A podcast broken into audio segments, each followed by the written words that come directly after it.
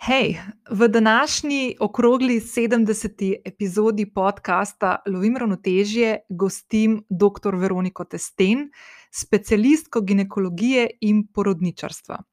Danes bo tema epizode HPV, ki predstavlja eno od najpogostejših spolno prenosljivih okužb, s katerimi se vsaj enkrat v življenju okuži okoli 80 odstotkov spolno aktivne populacije. Ta teden, tudi v Sloveniji, poteka 15. Evropski teden preprečevanja raka materničnega vratu, ki je ena od oblik raka, ki se lahko razvije iz okužbe s HPV virusi. Slovenija se je kot ena od 194 držav konec lanskega leta pridružila globalni strategiji, ki jo je postavila Svetovna zdravstvena organizacija.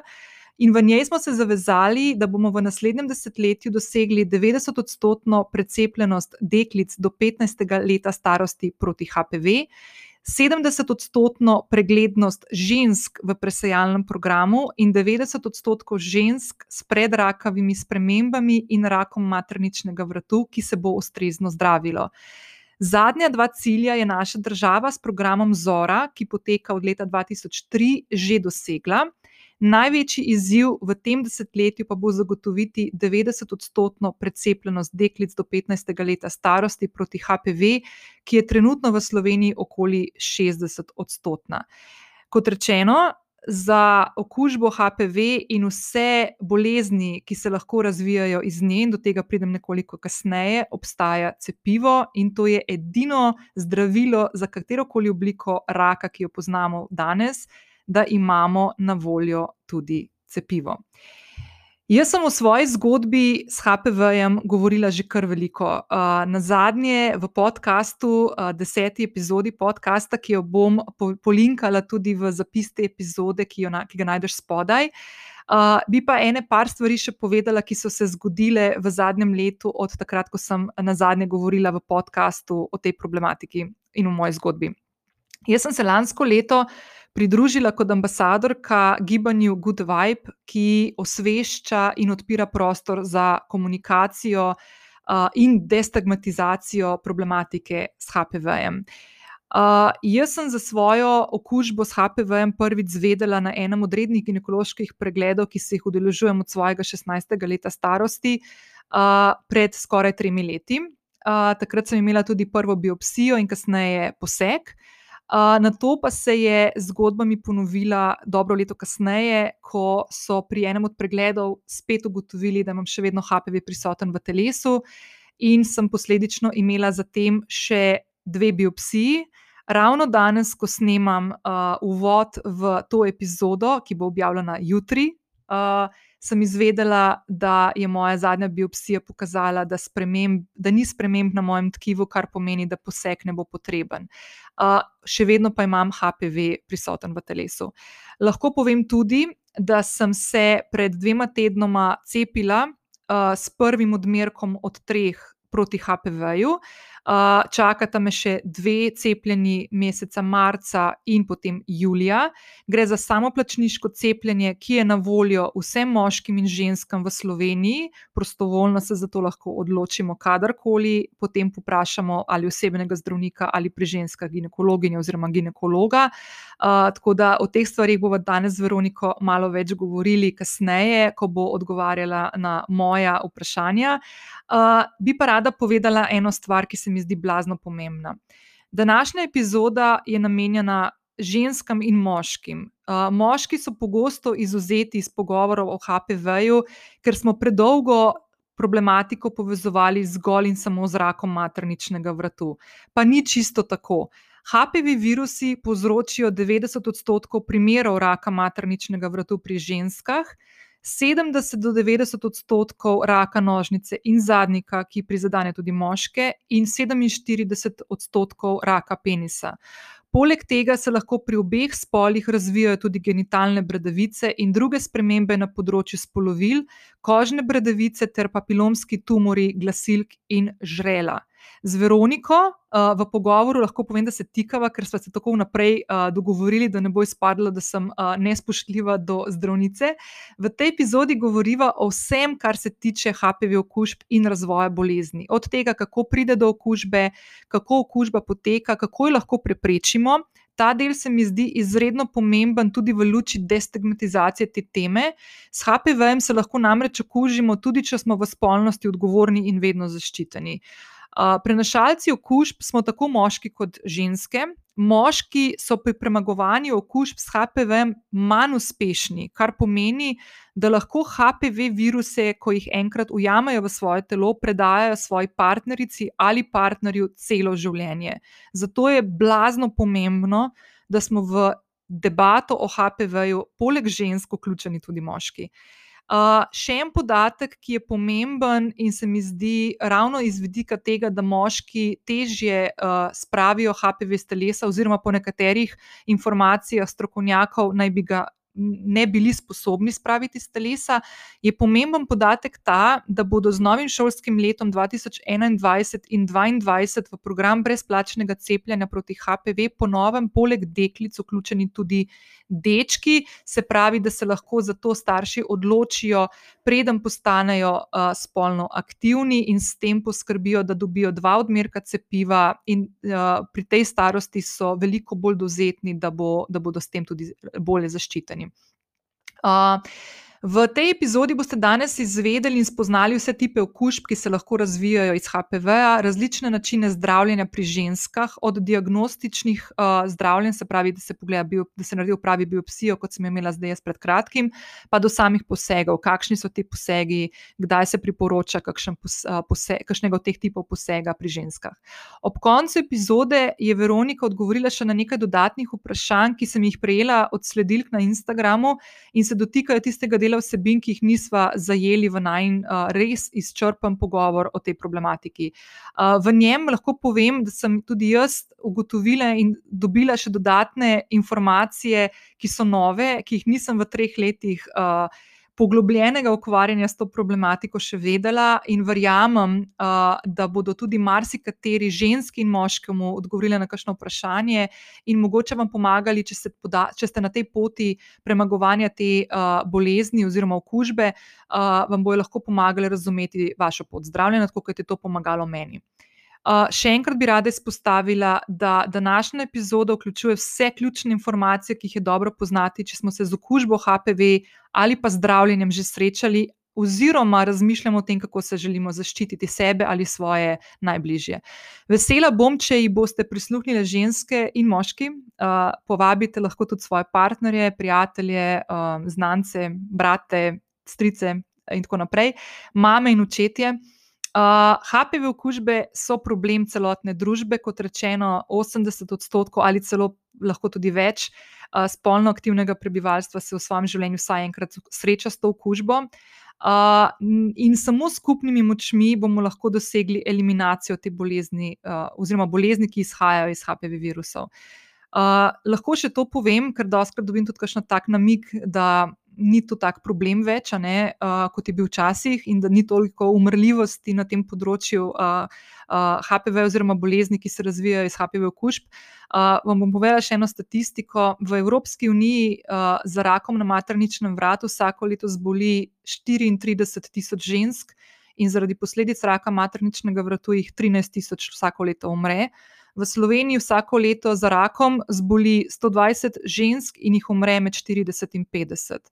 Uh, jaz mislim, da to niso majhne številke, in glede na to, da imamo možnosti tudi eliminirati s časom te bolezni, uh, se mi zdi pomembno, da se o teh stvarih odkrito pogovarjamo in spoznamo z vsemi tistimi uh, stvarmi, ki jih lahko danes naredimo, da zaščitimo sebe uh, in svoje najbližje. Uh, Zdaj pa mislim, da je čas, da skočiva in skočimo v današnjo epizodo, pogovor z Veroniko, ki se na tem mestu še enkrat zahvaljujem, da si je vzela čas in se res, res poglobila v odgovore. Uh, tako da imamo zdaj na enem mestu strnjen pogled v celotno problematiko HPV-ja in vsega, kar pride zraven. Veronika, hvala, beseda je tvoja in hvala vsem, ki danes poslušate to epizodo. Veronika, živijo. Zdravo, zdravo, Nina. Zdravo, Veronika. Najprej, jaz bom kar izkoristila takoj na začetku, da se ti res najlepše zahvalim za to, da si, si vzela čas in da predvsem si bila tu tako uh, z veseljem in odprtih rok pripravljena sprejeti dodatno vprašanje, ki so jih uh, sledilke meni na Instagram poslale in bomo do tega prišli bolj ob koncu današnjega najnega pogovora. Uh, Um, je pa tako, da ta teden poteka 15. Evropski teden preprečevanja raka materničnega vrtu in se mi zdi, uh, glede na to, da se tudi jaz s tem uh, soočam že skoraj tri leta, mi je ta tema zelo blizu. In blazno, blazno sem vesela, da sem prek uh, inicijative Good Vibes, s katero sodelujem že kar dobrega pol leta, spoznala tudi tebe. Uh, in da sem dobila s tem tudi eno tako krasno, uh, empatično sogovornico in strokovnjakinjo na področju porodničarstva in ginekologije, ki ful lepo zna razložiti to problematiko. Tako da najprej res, res hvala za tvoj dragocen čas, ki vem, da si to zavedala. Ja, hvala, Nina, ni za kaj. Okay. Jaz bom predlagala, da mi dve kar skočiva med vprašanja, pa sem si nekako tako zamislila, da bi šli čisto od tega začetka, mogoče tudi za kakšne poslušalke in upam, da tudi poslušalce, ker bi tudi rada izpostavila to, da to ni samo ženska problematika, ampak je problematika celotne družbe. Uh, in tudi moški morajo uh, biti udeleženi in jo razumeti in poznati. Uh, bi mogoče začela čisto na začetku s takimi bolj osnovnimi informacijami, ki se mi zdi, da še vedno mogoče jih premalo vemo o njih. In to je, uh, kako sploh pride do okužbe s HPV virusi. Tako, jaz bi Nina, če dovoliš, mogoče čisto na začetku se mi zdi pomembno povedati, mogoče par, dve, tri besede o samih humanih papiloma virusih, ker ne vem, koliko dejansko so poslušalke s tem seznanjene. Uh, HPV virusi so spolno prenosljivi virusi in predstavljajo v bistvu najpogostejšo spolno prenosljivo bolezen tudi v Sloveniji. Uh, Eh, teh genotipov HPV, to se pravi različnih tipov HPV-ja, poznamo zelo veliko, uh, namreč več kot 200 tipov uh, in okrog 45 od njih jih povzroča okužbe spolovil, rodil in pa analnega predela. Zdaj, treba je vedeti, da pri HPV virusih ločimo tudi nizkorizične in pa visokorizične podtipe. Zdaj, nizkorizični podtipi uh, dosti krat povzročajo take krajše prehodne okužbe, ki same od sebe minejo, uh, povzročajo pa tudi nastanek genitalnih bradavic oziroma kondilomov. Uh, če pa se okužimo z visokorizičnimi tipi HPV, potem pa lahko v nekaj letih pride do razvoja predrakavih sprememb in seveda tudi raka na materničnem vratu. Zdaj, če se vrnem na tvoje vprašanje, HPV se prenaša predvsem s tesnimi stiki. To pomeni z dotikom koža koža ali uh, z dotikom sluznico osebe, ki je okužena. Uh, najpogosteje pa se okužimo pri spolnih odnosih. Zdaj, ni tako zelo pomembno, ali gre za vaginalne, analne ali pa oralne spolne odnose, ker je pri vseh teh okužba možna. Zelo, zelo redko se lahko zgodi, da se tudi HPV eh, prenese iz mame na novorojenčka med porodom. Eh, je pa nekako velja, da se vsaj 50% žensk in moških, jaz bi pa nekako rekla, da verjetno skoraj večina nas eh, vsaj enkrat v življenju okuži s HPV virusom. Glavna težava pa je, da večina ljudi sploh ne ve, da to okužbo ima in jo zato ne vede prenašajo na svoje partnerje. Tako da, kar je pomembno vedeti, je, da se s HPV-jem lahko okužimo tudi, če naš partner nima popolnoma nobenih simptomov ali pa znakov okužbe, kar je seveda problem, ker se potem težko zaščitimo se to, zdaj, če naprimer, ko si omenila nizkorizične uh, podtipe HPV-ja, ki izgnijo sami od sebe, se pravi, ja. da se opazi, ne, vseeno je oseba, ki ima okužbo in za katero ne ve, ker se nič ne vidi, ne pozna. Ja. Uh, Vseeno je tudi prenašalec potem virusa naprej na svojega spolnega partnerja. Tako, tako. Ja. Tako, to je največji problem, so ti prenašalci, ki nimajo nobenih simptomov in znakov, veliko krat so to tudi moški, seveda. Uh, in uh, je problem, da se, še, da se virus v bistvu širi med populacijo, brez da bi populacija to sploh vedela. Uh mhm.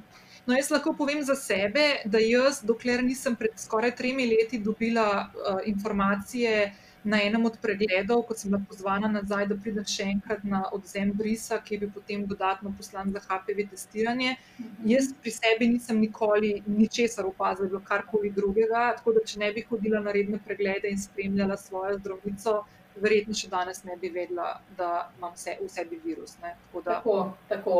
V veliki večini primerov je tako, da mi te. Uh patološke brise v bistvu odkrijemo povsem na ključno, oziroma ne na ključno, ampak v, v programu tega rednega presejanja zora. Ne? Tako da tudi mi, ginekologi, ko ženska pride na bris, mi, ko žensko pogledamo, v veliki večini primerov ne vidimo čisto nič posebnega. Ona prvič nima nobenih težav in tudi na oko, tudi nam, ginekologom, ne izgleda nič posebnega. Šele potem, ko dobimo izvid brisa nazaj od citologa, ki je pač te celice pogledal, eh, šele takrat ugotovimo, da gre za neke spremembe. A pa mi, na primer, lahko, naprimer, če sem jaz imela pred tremi leti prvič, uh, sem dobila uh, informacijo, oziroma sem dobila diagnozo, da, imam, da sem HPV pozitivna. Uh, je kakšna možnost, da bi jaz, na primer, vedela, kdaj sem se okužila, ali pa da bi vedela, od koga sem se okužila? Uh, ne, v bistvu ne moramo vedeti. Problem je v tem, da uh, eh, HPV virus lahko povzroča tudi take zelo blage in, kot jim rečemo, latentne ali speče okužbe. Kar pomeni, da mi lahko imamo virus v sebi leta in leta, lahko so to desetletja, pa nimamo popolnoma nobenih težav. Je pa virus prisoten recimo na materničnem vratu. In zato se nam pogosto, recimo tudi meni v ambulanti, zgodi, da imam recimo žensko, ki je v zvesti in večletni zvezi, uh, ki kar naenkrat uh, dobi patološki bris in ugotovi, da je uh, okužena s HPV virusom, in seveda je to uh, ženski težko razložiti, da to ne pomeni nezvestobe partnerja. Ampak da lahko ona ta virus ima v sebi že odprej, iz prejšnjih zvez, ravno tako pa tudi njen partner. Uh, tako da, da v bistvu natančno, kdaj je prišlo do okužbe, nažalost, ne moremo vedeti. Ne? Kaj pa, naprimer, um, kaj ima največjo vlogo pri nekem ponovnem pojavu teh abnormalnih paboprisov in kaj sploh lahko naredimo, da bi se to prepričali? Ja, zdaj možnost ena je, da recimo mi uh, imamo patološki bris, neke blage patološke spremembe, ki pa v nekem določenem času, ne vem, letu, dveh, same od sebe izvenijo, brez kakšne intervencije. Ali pa, da smo imeli recimo um, malo obsežnejše predrakave spremembe in smo bile operirane, pa se potem recimo v teh obeh primerih na kontrolah izkaže, da so brisi povsem v redu potem pa kar naenkrat, ne vem, po letu, dveh, treh, se lahko uh, zopet ponovijo uh, patološki brisi. Razloga za to sta lahko dva. Prvi razlog je, da mogoče takrat uh, virus ni v celoti izginil iz telesa. Tudi, ko mi uh, operiramo predrakave spremembe, v veliki večini se zraven odstrani tudi HPV virus, ampak seveda ne, ne zajamemo čisto vsake celice in HPV lahko deloma tudi ostane. Uh, in uh, lahko povzroči tudi neko spečo okužbo, ki nekaj časa traja in se potem pod nekimi pogoji reaktivira. Uh, tako da zdaj pri teh operacijah je težava predvsem pri mlajših ženskah, ker se vedno trudimo. Uh, operaterji se trudijo, da odstranijo čim manjše tkivo. Uh, zato, da bi se ohranjala funkcija materničnega vratu, in seveda pri tem obstaja pa malo večja verjetnost, da um, da ostane uh, virus še v kakšni celici. To je en razlog, zakaj se to ponovno lahko pojavi. Drugi razlog pa je seveda, da lahko pride do ponovne okužbe. Spet bi tle poudarila pomen moških, moških prenašalcev. Tudi če se mi pozdravimo in v sebi nimamo več virusa, uh, imamo lahko vse čas istega partnerja, pa virus zopet dobimo od istega partnerja in se nam zato lahko uh, težave ponavljajo. Ne? No, se to mislim, da se je pri meni zgodilo, ne? ko sem imela poseg in pol leta kasneje je bil vzorec negativen, potem pa spet čez pol leta je bil pa spet pozitiven in se mi je zdaj to nadaljevalo. Da, se pravi, mi tega, če sem jaz prav razumela, preprečiti v celoti ne. Tak, ne moremo. Ne? Nažalost ne moremo. Ne. Ker nekaj je tu treba vedeti, da um, Zelo pomembna je tudi obrambna sposobnost telesa. Ne? Zdaj, seveda, vemo, da smo v različnih obdobjih življenja različno odporni, mogoče na vse to vpliva vem, prehrana, stres, telesna teža, gibanje, vse te stvari, uh, ki lahko oslabijo obrambni sistem in tudi zato lahko ponovno in huje zbolimo, kot bi sicer. Mhm. Zdaj, če sem jaz prav razumela, in uh, kar mi je najbolj fascinantno pri celotni zadevi, je, da prenašalci HPV-ja smo, torej, kot so danes že rekli, tako moški, moški kot ženske. Tako, tako. Ja. Uh, problem je predvsem v tem, da o, tež, o ženskih težavah s HPV virusom vse čas govorimo, oziroma veliko govorimo, vse več govorimo. Tako da ženske, moram reči, da se mi zdi, so že kar dobro seznanjene s tem. Medtem ko moški, moram reči, da veliki večini o tem ne vedo nič. Dosti krat, ko se pogovarjamo, niti sploh ne vejo, da se to njih tiče, da imajo sploh oni kakšno vezo s HPV virusom, ker se nažalost to še vedno povezuje, aha, HPV predrakave spremembe in rak na materničnem vratu. Ne, in je to to. Uh, problem je, da moški, tako kot sem že rekla, so lahko prenašalci, lahko pa oni tudi zbolijo za, uh, za spremembami, ki jih povzroča HPV virus. Pri njih so najpogostejše pač genitalne bradavice, uh, pa uh, lahko se uh, razvije tudi rak na penisu, na anusu in pa na žrelu. Tako da tudi te težave niso tako zanemarljive, da bi kar opustili uh, izobraževanje moških o tem. Ne. Pa se mi zdi, da pri moških je še en tak izziv, ne, da ženske imamo tako sistem postavljen pre, pregledov. Ne. Imamo ginekologinjo, zdravnico, ki nas spremlja zdaj na tri leta, pa pogosteje, ne kot pač hodimo in smo dogovorjeni. Moški tega načina praktično nimajo. Ne? Tako. Moški v bistvu nimajo nobenih preventivnih pregledov, na katere bi se lahko zanašali, da se bo ugotovilo, um, da pri njih uh, je prišlo do nekih sprememb. V bistvu so bolj kot ne prepuščeni sami sebi, in če opazijo kakšne spremembe, se potem pač obrnejo na svojega izbranka zdravnika, ki jih potem uh, pošlje k ustreznim specialistom. Um, zato smo še toliko bolj veseli, no se tega se bomo verjetno še uh, kasneje malo več dotaknili, da bo končno v naslednjem um, šolskem letu omogočilo cepljenje tudi dečkom v osnovni šoli in sicer brezplačno cepljenje, kar pomeni, da bomo končno lahko tudi njihovim uh, staršem, tudi očetom in seveda dečkom več povedali o HPV virusu in, virusu in tako v bistvu uh, dvignili uh, znanje o tej, uh, o tej problematiki. Ne? Ja, ker dejansko, če se ne vključi moških, kot smo se prej pogovarjali, naprimer, da jaz imam lahko enega resnega partnerja, rednega, zvestega partnerja, Tako. jaz pozdravim HPV-ja in potem še enkrat fašam, po domač povedan. Tako, tako. Ja, to je res. Ja. Tako da v bistvu zdaj, ne, to, to, da smo omogočali samo deklicam brezplačno cepljenje, je bilo v bistvu na nek način res diskriminatorno. Uh, tudi to, in smo s tem tudi uh, v bistvu kar malo zmanjševali pomen moškega zdravja.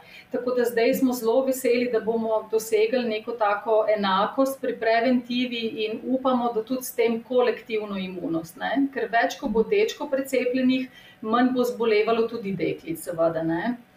Zdaj, če lahko samo še omenim, pri moških je tudi kar velik problem to, da imajo oni uh, veliko slabšo naravno imunost proti HPV.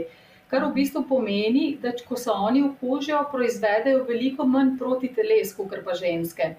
Zdaj, glavni razlog je verjetno to, da pri moških do okužbe pride uh, na koži. Uh, in ta kožna okužba povzroči v bistvu slabši odziv uh, obr obrambnega sistema, kot pa če se okuži sluznica, kar se zgodi pri ženskah. Ne?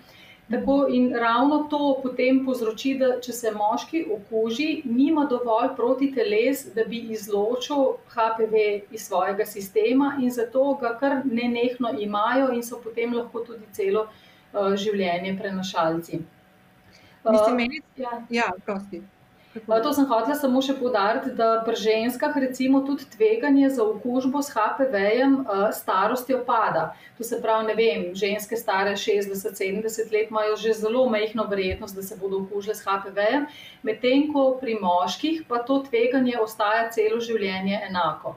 Je pa zelo dobro, da uh, po zdaj znanih podatkih moški zelo dobro uh, odreagirajo na cepivo. To se pravi, proizvedejo veliko več protiteles, kot pa bi jih proizvedli, če bi prišlo do naravne infekcije. Ne? Veš, kaj me zanima? Ja. Moškemu, ker to se spomnim, ko smo imeli septembra novinarsko konferenco in je doktor Baš, pediatr, bil tudi prisoten in je rekel, da moški, ravno to izhaja iz, iste, e, te, e, iz istega informacije, da moški so slab, imajo slabši imunski sistem, oziroma so, so uh, bolj slabo. Pre, presna, kako naj rečem? Ne, da, on je dejansko rekel celo tako, da ne, da ne morejo izločiti, enkrat, ko imajo HPV okužbo, jo imajo. Ne? Ker imajo tako um, slab imunski odziv na okužbo. Mhm. Ja.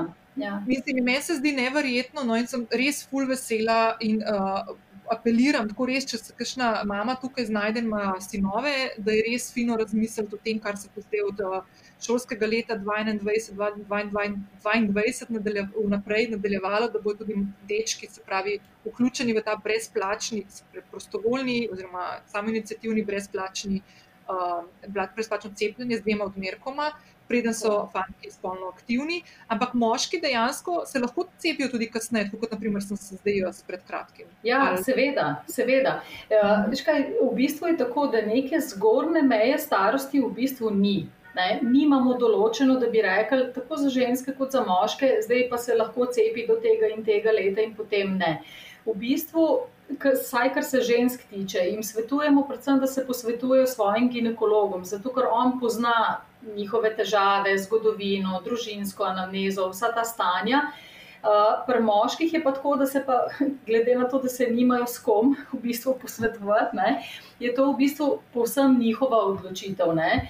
Moramo pa vedeti, da je idealno, da se cepimo, preden začnemo s polnimi odnosi, zato je to tako zelo pomembno cepljenje v šestem razredu osnovne šole. Jaz vem, ker uh, hodim tudi na predavanja v šole. Uh, veliko krat me starši kar malo tako učitajoče gledajo v smislu, pa zakaj se moramo zdaj to odločiti v šestem razredu, ko so otroci še tako mehki, stari 11-12 let, eh, ko še niti ne razmišljajo o spolnih odnosih.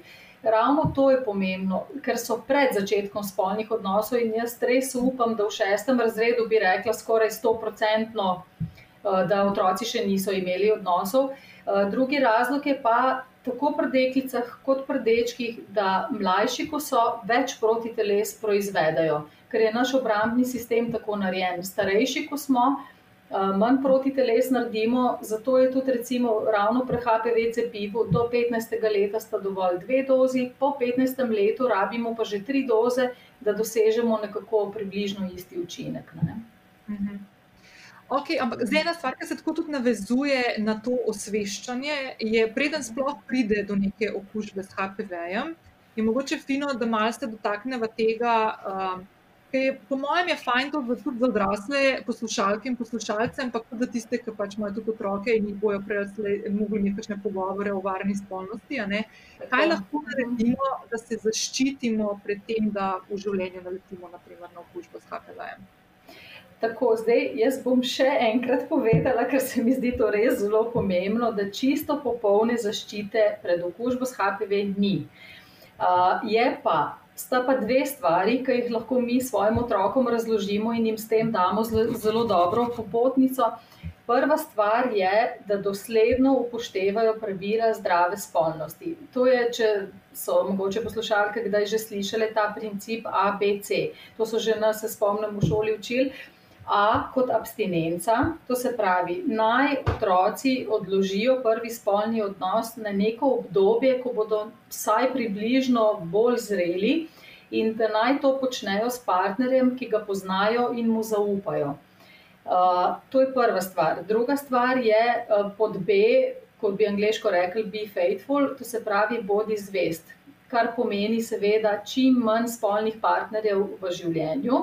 Uh, kar seveda zmanjša eh, tveganje za okužbo s HPV in drugimi spolno prenosljivimi boleznimi.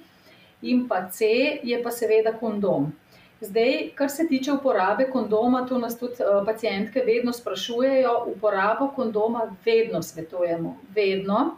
pa ne samo zaradi okužbe s HPV-jem, ampak tudi zaradi preprečevanja drugih spolno prenosljivih okužb, kot so klamidija, mikoplazma in nekatere druge.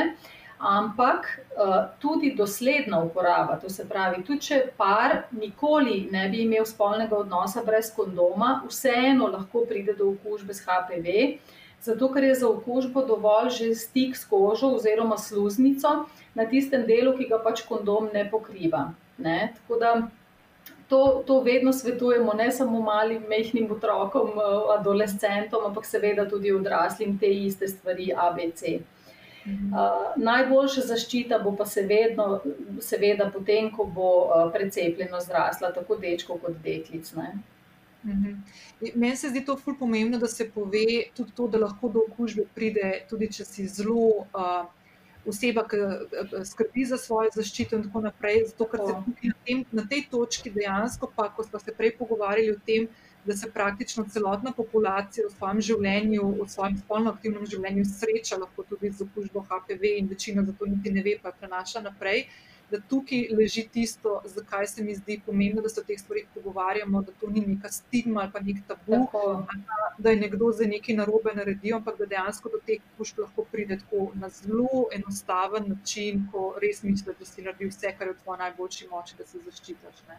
Tako, to, se, to se povsem strinjam. Jaz dosti krat vidim uh, mlade punce v ambulanti, ko pridajo in jim povemo, da imajo kakšen patološki bris, da so okužene s HPV-jem včasih jih vidim, da so prav prizadete, osebno prizadete, ker res ne razumejo, kako se to lahko zgodi, ko so bile toliko previdne. Recimo, dosti krat tudi rečejo, to je eden in edini fant, ki sem ga kdaj imela, pa jih pa vedno vprašam, ali je on mogoče imel prej kakšno, ne, pa se ponavadi izkaže, da je ne, pa tudi če je bila samo ena. Ne. Tako da res čist popolne zaščite res ni, je pa absolutno priporočljivo, da se poslužimo vseh teh nasvetov, ki sem jih omenila, in takrat bomo v bistvu verjetnost za okužbo zmanjšali na minimum, kar je pa tudi vse, kar lahko naredimo. Ne.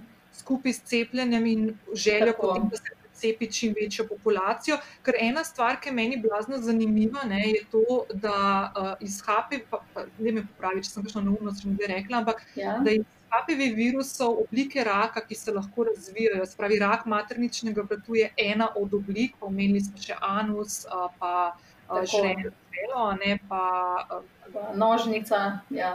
Ja. In, da, da dejansko imamo mi, to je edina oblika rakov, ki jo mi imamo zdravilo za njo. Tako, to, je, to je res ena neverjetna stvar. To pred leti in leti nismo vedeli, kaj povzroča raka na materničnem vratu, tako kot ne vemo še za veliko drugih rakov. In ko smo enkrat ugotovili, da je HPV večinski krivec za, za raka na materničnem vratu in da, da mi smo ugotovili, da mi to lahko preprečimo, to je res ena velika sreča. To, je, to bo verjetno, če nam bo uspelo z vsemi temi preventivnimi stvarmi, mogoče prvi rak na svetu, ki nam ga bo uspelo v bistvu eliminirati. Zdaj ne moramo reči, da tudi če mi uspemo s cepljenjem, preventivo in z vsem, da se nikoli več ne bo pojavil, ampak sem in tja, kar je res nevreten dosežek. Ne? Ja, pa tudi konec koncev to je tek na dolge proge. To se verjetno težko zgodi zdaj v naslednjih parih letih, ampak je pa stvar, ki lahko za našo generacijo, ne vem, za namce, prve generacije za nami, pa lahko to že. Tako. Za njih bo pa to že, jaz upam, da enkrat mogoče že najni vnuki ali pravnuki ne bodo niti dobro vedeli, kaj sploh je rak na materničnem vratu, ker bodo vsi precepljeni, redno bodo hodili na, na preventivne preglede. Uh, in upajmo, da bo res to bolj kot ne preteklost. Super. Uh, zdaj, preden bomo prišli tudi do tistega dela, kar se pregledov tiče, uh, me stane zanima, mi poznamo različne oblike HPV okužb. Ja, tako. Zdaj, nekako bi tako, no, da, da bo čim bolj preprosto za razumeti stvari razdelila nekako na tri, uh, tri različne oblike okužbe. Prva je tista, o kateri smo že govorili, tako imenovana tiha okužba. To se pravi, uh, da to pomeni, da mi HPV v sebi imamo, ampak nimamo popolnoma nobenih težav. In lahko celo vzamemo HPV test, pa je negativen, zato ker je recimo tega virusa premalo in se seveda to tudi na pap brisu ne pozna. Kar pomeni, da tudi če mi gremo na bris, pa dobimo izvid, da je čisto vse v redu, to še zmeraj ne pomeni, da mogoče še ni, da nimamo HPV okužbe. Uh, zdaj, če pa se recimo zgodi, da mi oduzamemo uh, bris, je v redu, vzamemo zraven še HPV in ugotovimo, da je HPV okužba. V tem primeru ni potrebno takojšnje neko ukrepanje, zato ker tako kot sem že prej omenila, velika večina okužb s HPV mine sama od sebe. To se pravi, več kot 90-odstotna verjetnost je, da bo v enem letu ali pa dveh eh, telo virus samo izločilo. Zato jaz vedno, včasih ženske želijo kakšen dodaten HPV bris in tako, ampak to samo po sebi, dokler je bris v redu, nima nobenega smisla, ker lahko povzroča samo še dodatne do, dodatne neke eh, preglede, skrbi, v skrajni fazi tudi ne vem, operacije. Uh, ker če bi samo malo počakali, bi se lahko virus samo od sebe izločil. Ne? Ker um, to, kaj virus povzroči na celicah, se na pap testu zelo dobro vidi. Ne? No, tako da to je ena uh, možnost, pač ta tiha okužba. Zdaj, druga, uh, seveda zelo pogosta uh, oblika HPV okužbe so genitalne bradavice, oziroma kot jih drugače imenujemo kondilomi. To so v bistvu taki kožni izrastki, podobno kot jih imamo lahko bradavice druge po telesu, se lahko te pojavijo tudi uh, na zunanjem spolovilu. Dosti krat so tudi v inguinalnem predelu, to se pravi v pregibu, lahko so tudi perianalno in pa tudi v nožnici. Zdaj, podariti moram, da se lahko pojavljajo tudi pri moških na spolovilu, ravno tako kot pri ženskah, ne? in tudi perianalno in inguinalno. Tako da uh, je pa treba razumeti, da genitalne bradavice povzročajo drugi tipi, kot pa predrakave spremembe na materničnem vratu. Uh, Eh, in najpogostejša sta to tipa HPV eh, 6 in 11, ki pa sta seveda, hvala Bogu, zajeta tudi v tem devetvalentnem cepivu, ki ga v Sloveniji eh, trenutno uporabljamo. Ne? Uh, potem je pa še tretja, je pa ta najbolj pogosta in najbolj znana um, oblika HPV okužbe, so pa predrakave in rakave spremembe na materničnem vratu.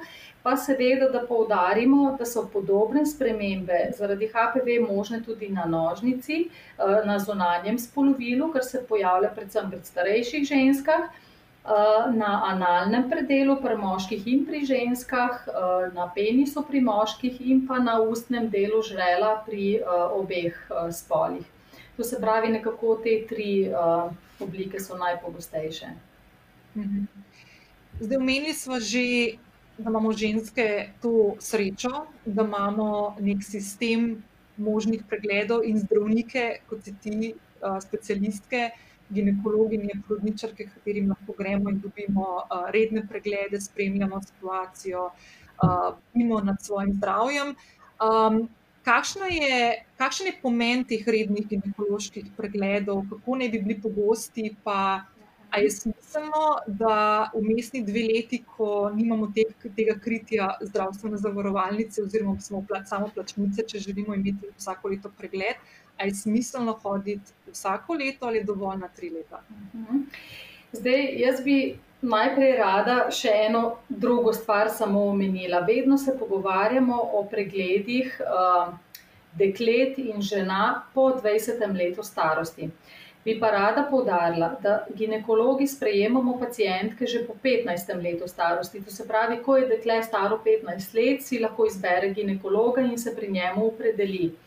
Zato bi nekako položila na srce mamam, ki nas morda poslušajo, da uh, zelo priporočamo, da svojim dekletom, ko enkrat grejo v srednjo šolo in so starejše od 15 let, uh, priporočijo, da si ginekologa izberejo.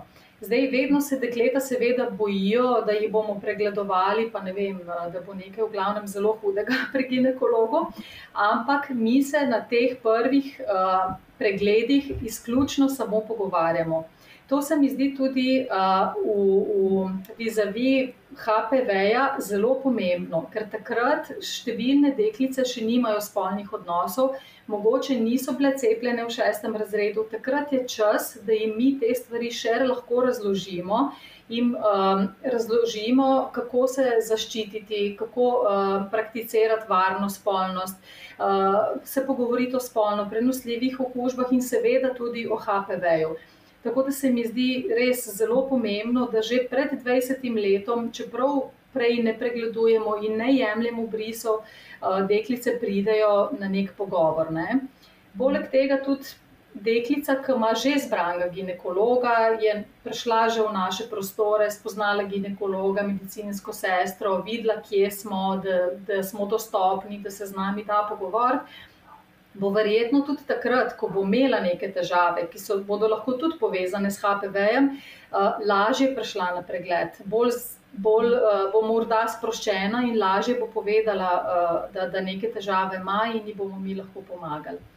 Eh, drugače pa načeloma je tako, da uh, tale naš preventivni program Zora je zelo, zelo dobro organiziran.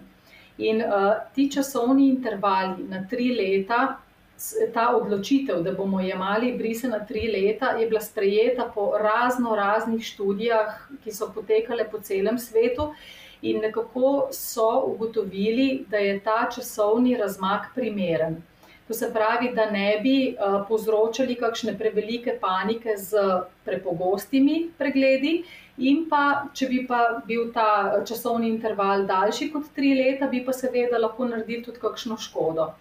Zdaj, če pogledamo, da nekje ta naravni potek uh, od okužbe pa do raka na materničnem vratu traja nekje približno deset let pomeni, da na tri leta je časovno primerno, da mi vmes ugotovimo, ali je kaj narobe, ali se je na celicah začelo kaj uh, dogajati. Zdaj sicer um, pri 20. letu, ko vzamemo prvi bris, potem vedno v razmaku enega leta vzamemo še drugega. In če sta oba v redu, potem žensko spustimo v triletni ciklus. Ne? Zdaj, kar je pa pomembno, seveda je pa to, da morate zaupati ginekologom in upoštevati njihova navodila. Ker tudi mi, ginekologi, če nam je karkoli sumljivo, mi se ne držimo uh, ne vem, teh triletnih ciklusov kot vem, pijanec plota, ampak uh, se prilagajamo situaciji. Če se nam zdi nekaj čudno, bomo lahko tudi vsake pol leta bris vzamemo, dokler nismo mi sigurni, da ni nič posebnega. Ne? Uh, tako da zdaj nekako moje mnenje in mislim, da tudi velike večine ginekologov je, da je v bistvu ta odločitev za umestne brise, morda na leto, leto pa pol, uh, zelo individualna. In jaz mislim res, da če se ženske pogovorijo s svojim ginekologom, ki jih pozna, tako kot sem že prej rekla, pozna njihovo družinsko anamnezo, njihovo zgodovino, ali so že kdaj imele težave s HPV-jem, uh, kakšna je njihova spolna anamneza, ali imajo več partnerjev, ali so v stalnem uh, partnerskem odnosu. Uh, Ta njihov ginekolog jim bo najlažje svetoval, ali je mogoče smiselno vmes narediti še kakšen bris ali pa ne. ne. Jaz bom zdaj izkoristila tole priliko, da bom uh, vsem tistim poslušalkam, ki so od mene že kdaj slišali kakšne stvari, ko sem govorila o svojih poti in izkušnjah, ali pa ko smo se kaj tako pogovarjali, potem po e-mailih, pa sporočilih zasebnih. Um, jaz sem od svojega, mislim, da 17-18 leta hodila vsako leto na preglede in sem tega navajena in sem zaradi tega tudi nekako vedno pričakovala, da bom ta pregled imela.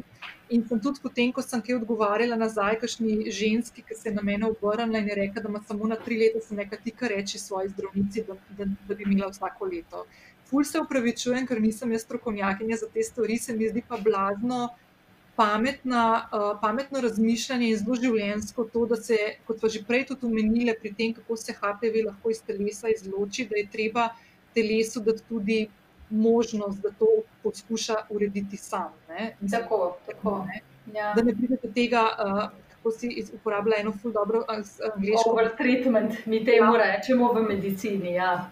Ja, to je tudi meni rekla moja ginekologinja, uh, pa nisem tega čist dobro razumela v tisti. Uh, živčnosti, potem ko sem dobila informacijo, da po drugi biopsiji, uh, da imam še vedno HPV v telesu, ampak ni nič na tkivu vidnega in nisem s tem zadovoljna, če si iskreno. In sem hotela vsake pol leta hoditi ne, in nekako nisem razumela, zakaj, hudiče, jaz ne morem priti do tega pregleda, da bomo čim bolj spremljali. Hvala, hvala, da si to povedala. In jaz še enkrat, mi je, mi je pomembno, da te stvari poslušamo strokovnjake, ne neke internetne poznavalce. Ja, ja. Se, se strinjam. Ja. Okay, to sem fulj vesela, da so to pokrili.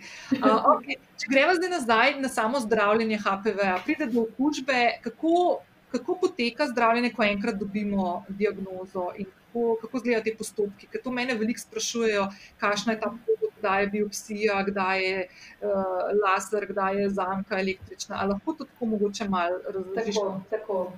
Ja, uh, takole je. No. Zdaj, mi, ko dobimo nazaj izvide, to ne vem, če sem omenila, mi pač vzamemo uh, bris materničnega vrtu in sicer. Uh, zunanjega dela materničnega vrtu in pa tudi notranjega dela, tam, ko je kanal, ki se potem nadaljuje v maternico. To se pravi, ko mi oduzamemo bris, gledamo dve vrsti celic, to razmažemo na stekelce in potem ta stekelca pošljemo eh, k patologom, v bistvu, ki so subspecializirani za te brise, zato jih imenujemo citologi.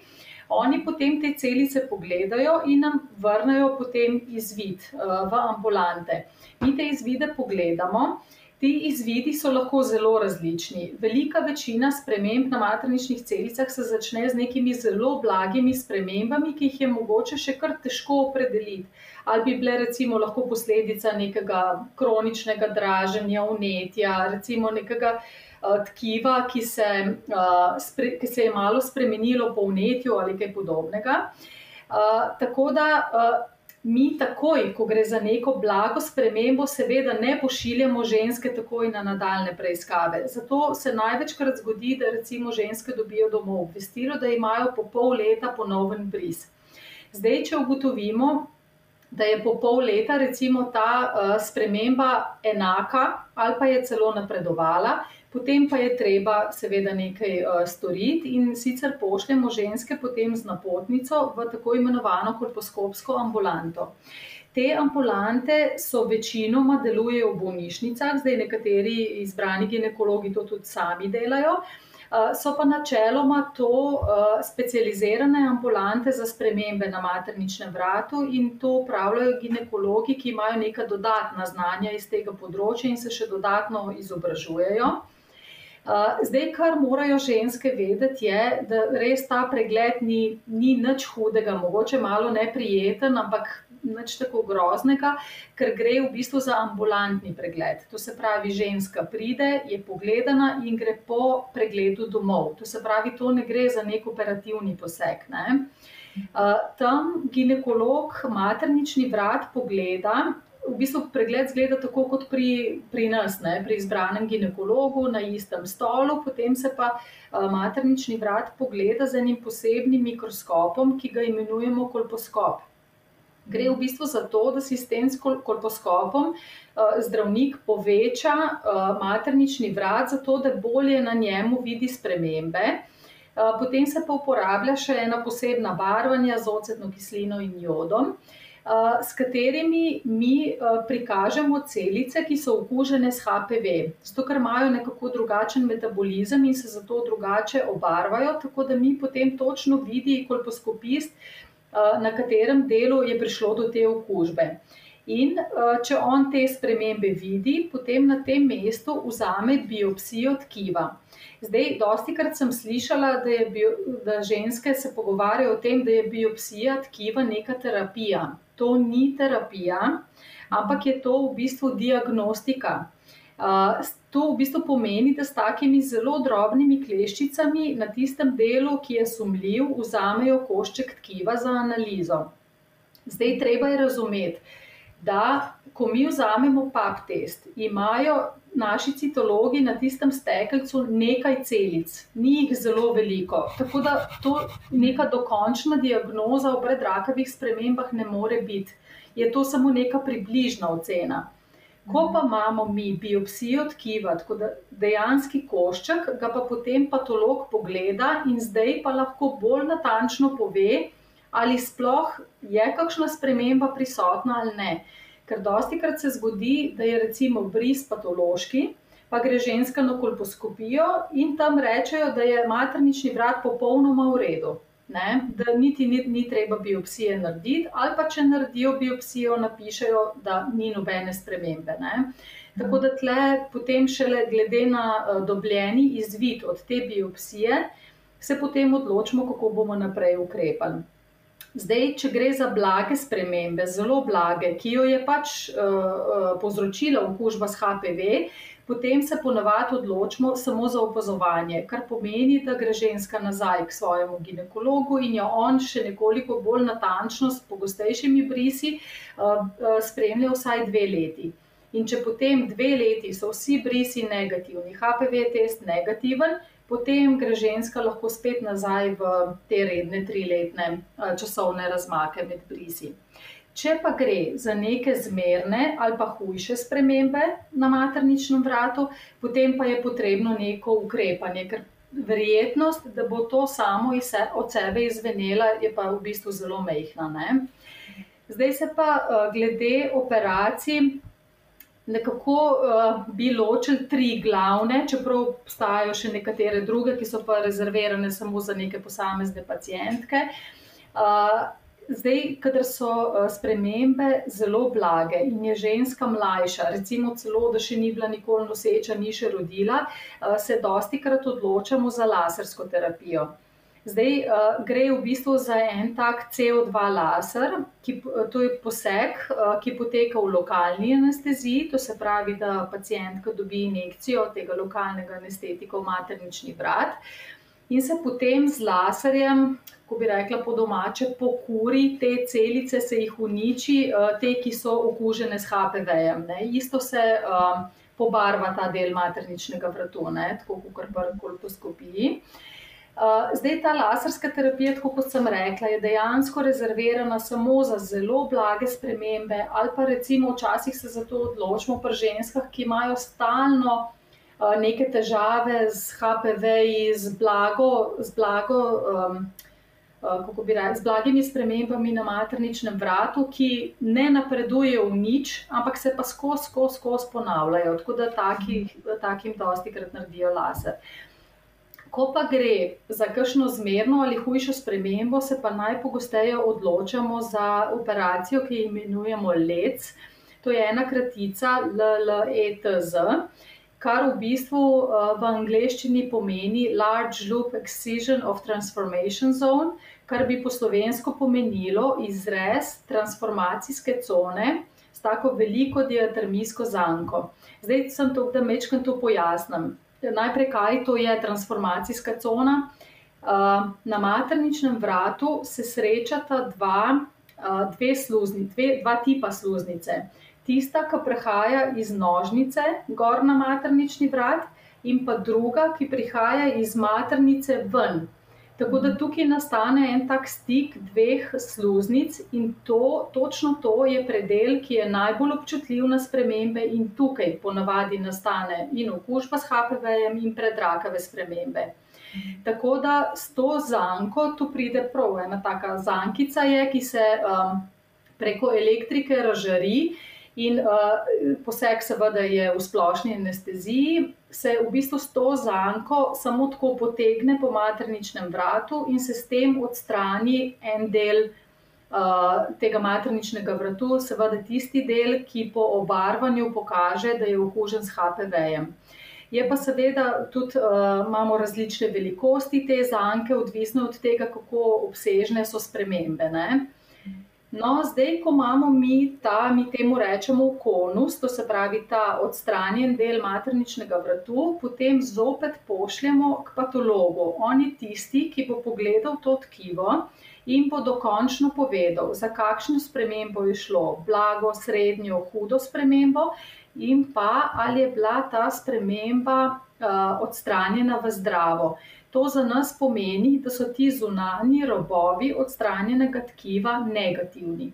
To nam je pomembno, seveda, zato, ker če robovi niso negativni, potem je verjetnost, da je HPV ostal v bližnjem tkivu zelo velika. Ne? In potem moramo biti še toliko bolj uh, pozorni pri nadaljnih brisih. Mhm. Uh, no, potem pa na hitro sem še tale, ta zadnja operacija, je pa konizacija. To je pa sicer še naš stari klasi, klasičen kirurški poseg, uh, ki tudi poteka v splošni anesteziji.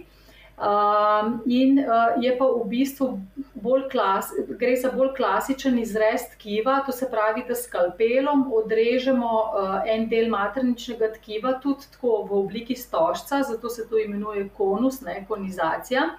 Uh, ja, ampak tukaj se pa v bistvu odstrani malo večji del, kot pa pri lecu. In potem, uh, ko je ta del odstranjen, se maternični vrat obšije s šivom, zato da se ustavi krvavitev. Uh, je pa tako, da je ta poseg rezerviran bolj za tiste ženske, ki so recimo že imele lec, pa mogoče potem še enkrat lec pa so še vedno težave in so te ženske, predvsem starejše, to se pravi tiste, ki ne nameravajo več zanositi in roditi, tako da jim večji, uh, večja odstranitev materničnega vratu ne predstavlja problema, kar se tiče uh, reprodukcije. Zdaj, seveda, tako kot sem pa prej rekla, v nekaterih redkih primerjih se pa ženske odločijo tudi za odstranitev maternice, predvsem, če so starejše, pa imajo še kakšne uh, dodatne težave. Ne? Ena zelo uh, zanimiva stvar, ki si jo omenila, ko si govorila o tej drugi tehniki let, ki sem jo dala ja. tudi čez, je mhm. ta, da, um, da to tkivo, ki ga odstranijo, uh, pošljajo uh, patologu, da pogleda, če so robovi zdravi. Ne?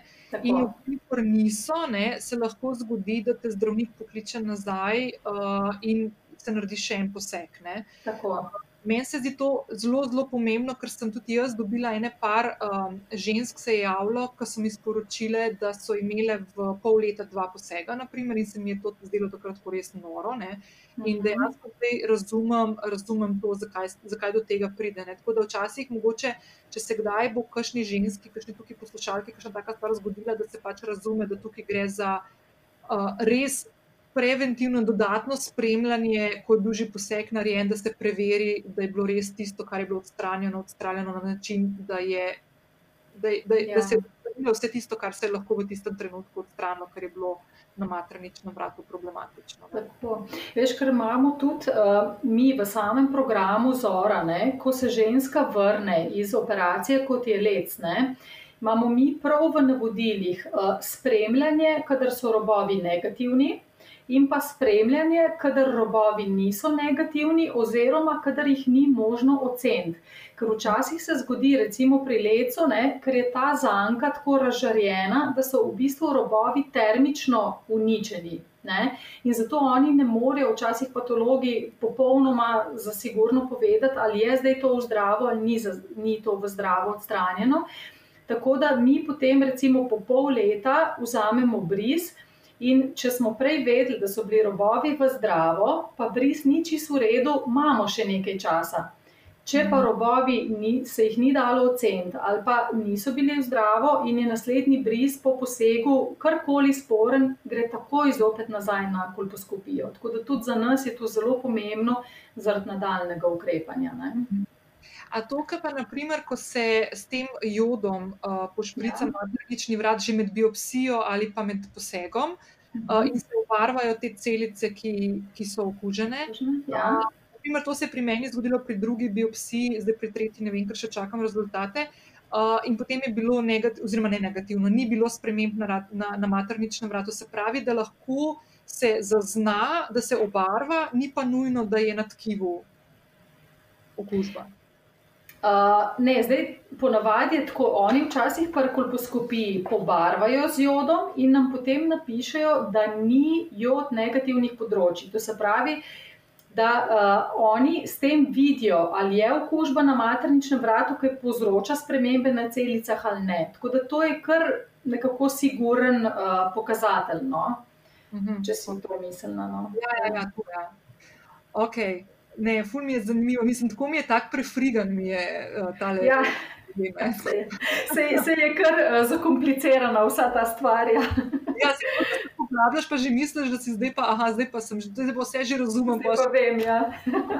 Naprimer, ena od teh stvari, ki je zdaj takole, uh, tukaj, ki gledam uh, čez te istočnice, ki smo si jih pripravili, um, da, da ne bomo ponavljali, kakšne pot do okužbe, ker smo že danes to povedali. Uh, ena stvar, ki sem jo zapisala, je, da lahko ima virus lažji dostop v telo. Takrat, ko je pač odpornost organizma nizka, naprimer, da je imunski sistem kaj kompromitiran, pa da smo nekaj, da imamo še slabšo odpornost v nekem obdobju življenjskem, ja. Imajo mogoče skozi malo slabšo. Uh, ali pa, naprimer, ko so na tkivu vstopa, naprimer, prisotne mikropoškodbe. No, zdaj se mi je to zdaj še ena tak prefrigana, ne, naprimer, napisala si britvi, uh, britje ali pa depilacija. Tako, ja, veste, kako lahko. Ja, veš kaj, to, to je naša uh, ginekološka nočna mora, uh, ta osebna, uh, intimna osebna higiena pri ženskah. Zdaj, jaz vedno svojim pacijentkam razlagam, da narava nas je take, kot smo naredili z razlogom. Jaz vem, da dlake na zunanjem spolovilu, ne vem, mislim, nekatere ženske pač motijo, se jim ne zdi to uh, higijensko ali ne vem, nekaj v tem smislu. Ampak dejansko dlake zapirajo vhod v nožnico in nas tem varujejo pred okužbami. In me, ženske, pa seveda, ne, brijemo se, zdaj včasih še celo pacijentke poslušam, ne samo, da se brijejo, ampak se brijejo kar tako, brez, eh, brez eh, ne vem, brijskega gela ali vsaj pene, one to kar tako na suho, eh, kar seveda pomeni, da si stalno povzročamo neke mikropoškodbe in zunanjega spolovila. Uh, potem se skozi umivamo z nekimi takimi in drugačnimi mili, včasih um, sem čisto vznemirjena, ko slišim, da si kakšna ženska celo izpera nožnico, kar je sploh skregano z vsem. Tako da polagam ženskam na srce, naj se probajo temu čim bolj izogibati. Naša nožnica je narejena tako, da se, kar se le da, brani pred okužbami in predvsem sama. Ampak, če mi to njeno obrambno sposobnost stalno nekaj speramo in nekaj odstranjujemo in ne vem, kaj delamo, to seveda ne more. Ne? Uh, Zaradi tega bi, bi bilo res fajn, no, da, se, da se ženske tega čim manj uh, poslužujejo. Ne?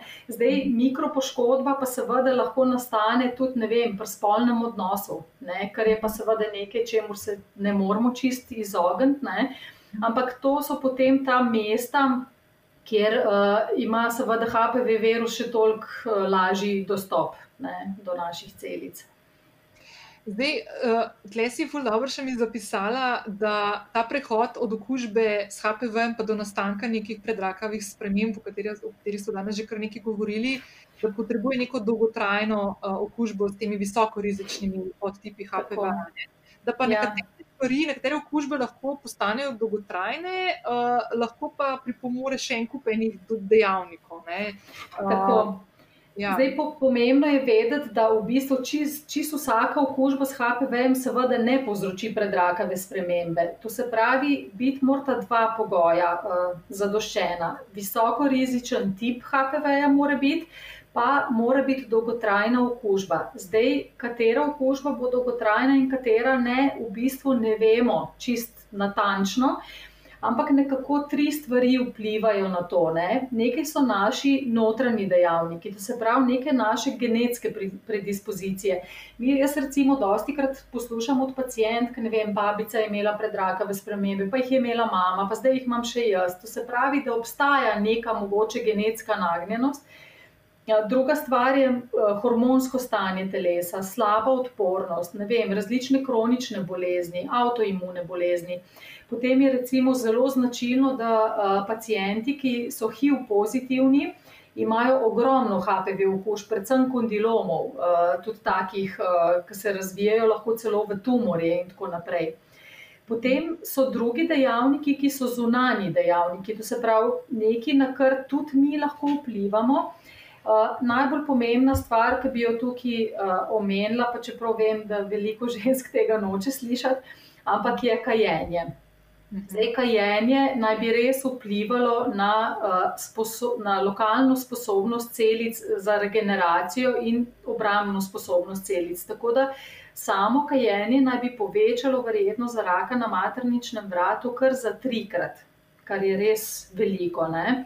Drugi en tak dejavnik so številni porodi. Zdaj, to je treba tudi razumeti, da organi, na katerih se stalno nekaj dogaja, in se celice skozi nekaj spreminjajo, so bolj dovzetni za rakaste spremembe. In tako je recimo ženska, ki je večkrat rodila, seveda maternični vrat tekom nosečnosti se spremeni, potem med porodom izgine, se potem spet nazaj nastane. Tako da te ženske moramo biti tudi malo bolj uh, pozorni, ne? tiste, ki so večkrat rodile. Recimo obratno, sem to, da malo ponazorim, je recimo rak na jajčnikih. Ne? Če imaš ti v življenju uh, veliko ovulacij, ker ovulacija je pač neko dogajanje v jajčniku, več ko imaš ovulacij v življenju, večja je verjetnost, da boš zbolel za rakom na, uh, na jajčnikih. Zato recimo kontracepcija, ki blokira ovulacijo, ščiti pred rakom. Uh, isto recimo nosečnosti pa porodi. Ne? Dle časa, ko si noseč, pa dle časa, ko dojiš, to so obdobja, v katerih ovulacije ni, bolj te to varuje pred rakom. Uh, tako da to, to so pač ti neki zunani dejavniki, ki lahko vplivajo na to dolgotrajno okužbo. Potem je pa še tretja stvar, ki je pa tudi zelo pomembna, pa, so pa ti dejavniki, ki so povezani s samo okužbo s HPV. To se pravi, pomembno je, s katerim genotipom se okužimo. Imamo jih res veliko. In nekateri od njih so precej bolj agresivni od drugih, tako da če imamo glih nesrečo, da dobimo glih tistega, ki je bolj agresiven, je pač to je večja verjetnost za predrakave spremembe, in pa količina kopij virusa. Uh, to se pravi, kolik, um, s, ka, s kakšno virusno obremenitvijo se soočamo. Ne? Če mi dobimo tistih par virusov, dobro, lahko povzroči kakšno tiho spečo okužbo, ampak kakšne take zelo, kako bi rekla, fulminantne, agresivne okužbe pa verjetno ne bo. Ne? Tako da nekaj je, kar lahko mi naredimo, nekaj je pa tudi, koliko sreče imamo. Ne? A pa mi, ker jaz, na primer, se ne spomnim, da bi kdaj dobila odgovor na vprašanje, kater genotip HPV-ja sem jaz ujela. A to dobi, a to ja. vse dobi ali ni? Ne? ne, veste kaj, uh, zdaj to je tako, ne, na, da bi nam bilo zelo pomembno, točno kater genotip je, nam ni. Ker to ne bo naredilo nobene razlike. Je pa, ko mi testiramo triažni test HPV, takrat, zdaj sicer se ne spomnim točno, ampak se mi zdi, da mogoče 20-25 tipov, tistih, ki so najpogostejši in najagresivnejši, se testira. In oni nam sicer ne napišejo, kateri je bil pozitiven, ampak eden od teh ali pa več od njih. Ampak to je obrazec, ne jih uklepajo, napišejo tiste številke. Tako, tiste, tiste, ki so jih testirali. Ne, ne napiše, lahko pa recimo uh, mi, ginekologi, direktno zaprosimo, če lahko določijo, kater genotip. Aha. Ampak po pravici povedano, mi to nič ne pove. Ker Aha. ne bom se obnašala nič drugače. Če bo ali 16, ali 18, ali 35, za mene so to visoko rizični genotipi in je treba biti pozoren. Ne? In če se mogoče samo toliko vrnemo na cepljenje, eh, da mhm. cepivo v tem trenutku pokriva devet teh najbolj rizičnih. Tako. Tako. Uh, teh v bistvu devet, uh, oziroma je tako dva, sta genotipa noter šest, pa enajst, ki povzročata genitalne bradavice. Uh, To se pravi, sedem jih je pa tistih, ki so pa najpogostejši za predrakave spremembe in raka na materničnem vratu. In to v bistvu pokrije več kot 90% raka na materničnem vratu in več kot 90% kondilomov, ne, genitalnih predavic. Zdaj, če se malo vrnemo na to, da HPV povzroča okrog 70 odstotkov vseh predrakavih sprememb in raka materničnega vratu. Uh -huh. uh, in mogoče eno stvar jaz izpostavila, ko sem, sem jaz prvič povedala svojo zgodbo, sem dobila ene par, res mislim, na eno roko lahko preštejem. Ene par takih malih pomislekov, da, da tu pa res ni več kaj tazga, in da pri nas v Sloveniji to ni več tak problem, in da um, tudi umrljivosti praktično ni, da smo izničili in da, da delam bom po domači rekla, eno štalo iz nečesar. Ne. Lahko malo spregovorimo o tem, kakšna je dejansko situacija tako v Evropi, konc koncev tudi v Sloveniji. Pa ne samo na, na ravni tega, koliko je obolelosti vsako leto in umrljivosti, ne, ampak tudi predvsem to, tudi mogoče, koliko je dela tudi koncem s samimi posegi. Ne. Tako, ja. Um, zdaj, tako le v Evropi za rakom na materničnem vratu zboli tam okrog 34 tisoč žensk. Tako da jaz bi zelo težko rekla, da je to malo, ne? da to ni problem. In okrog 13 tisoč jih umre. Zdaj v Sloveniji imamo v zadnjih letih uh, okrog 120 uh, žensk, ki zbolijo za rakom na materničnem vratu, in okrog 40 do 50 jih letno umre. Zdaj, Meni se to zdi veliko. Vem, to je 40-50 žensk, mam, uh, žena, mislim, ni, ni vse eno. Čeprav je pa res, da se nam vsako leto umrljivost zmanjša za približno 2%, kar smo seveda zelo veseli.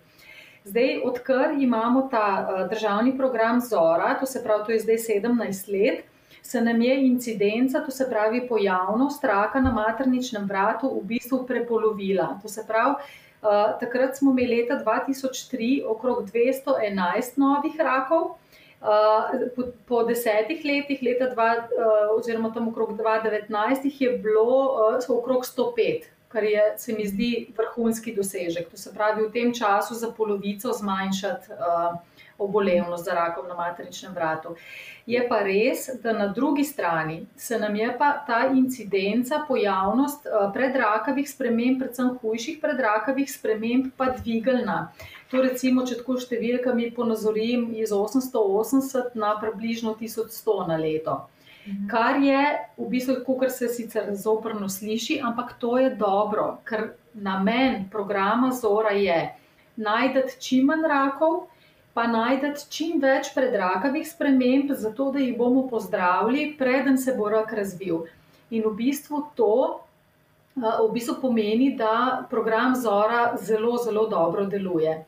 Zdaj, kaj si pa mi želimo, kar bi pa dosegli s tem cepljenjem, pa je, da bo padlo še število predrakavih sprememb, potem, pa, potem bomo pa zmagali. Ne? Mhm. Zdaj, če še ta druga stvar, no, ko smo se pogovarjali okrog posegov. Ne? Zdaj, teh posegov se dejansko v Sloveniji naredi ogromno. Približno 9000 posegov. Uh, letno se opravi, ampak tukaj noter so zdaj uštete in tisto, tisti kolposkopski pregledi z biopsijami, pa abrazijami, o katerih smo se prej pogovarjali, to je v bistvu še v sklopu diagnostike.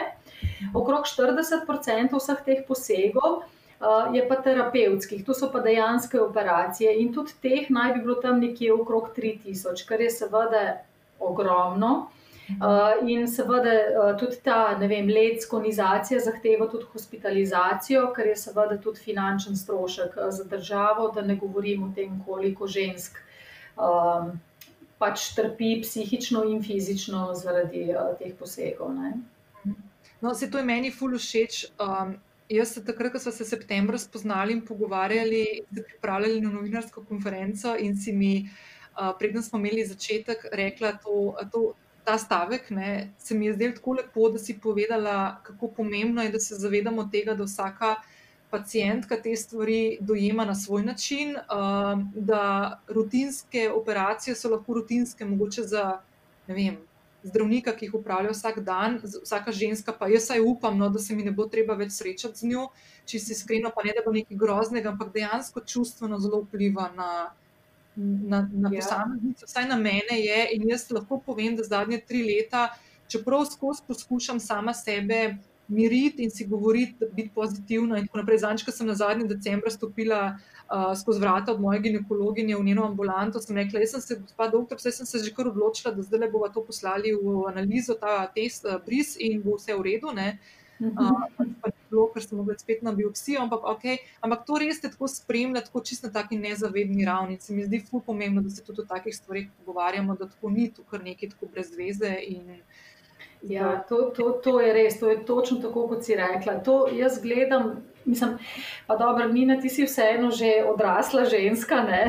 ampak dosti krat, ko gledam recimo mla, mlajše še punce, ne? ne vem, so stare včasih 20-25 let, pa imajo že težave z brisi, vse mogoče niso prišle še do operacije in tako.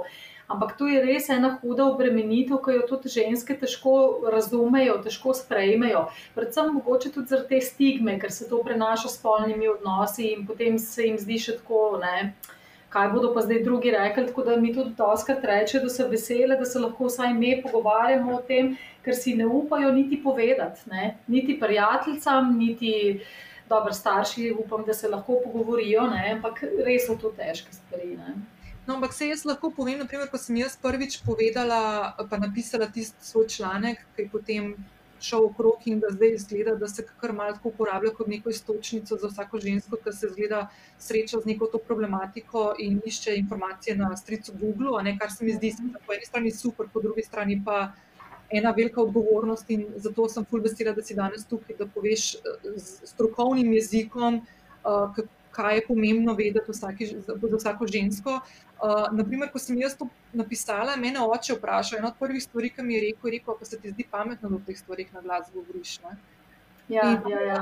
Sport, ne, pa ni tako nek, nedosten pa to, ne, pa se mu je zdelo to tako malo, pa se rekla, gledaj, zaradi tega, ne, ker pač to, ja tako počutila na začetku in si fulno želim, da se katerakoli ženska uh, obsoja, da se ima, ne bom niti izgovorila besed, ker je brez veze, ker vemo, o čem se pogovarjava, ampak ker je to res, vse, kar smo danes povedali, na kakšen način lahko pride do takih okužb, se mi zdi tako, da to dejansko lahko čisto vsak od nas v življenju se mu zgodi ista zgodba kot meni in še hujše. Ne?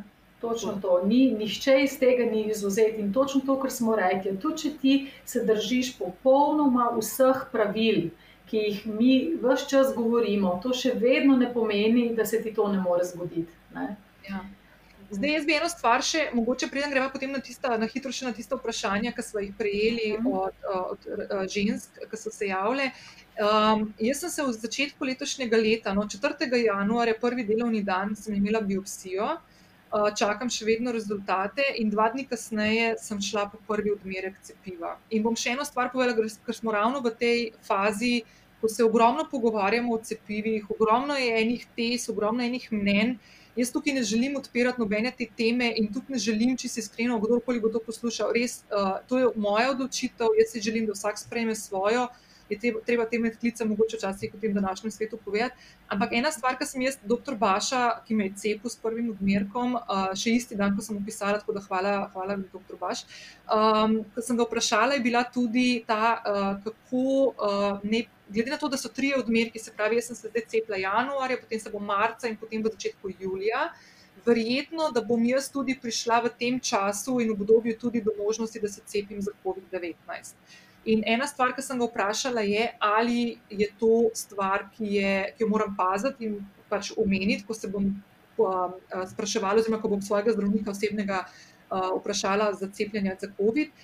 In je rekel, da sta obeti cepivi mrtvi cepivi, torej da nista kontradiktorni in da ni, nobene, da ni problemi v tem, da bi se v istem obdobju z dvema različnima cepivama za dve različni stvari cepila.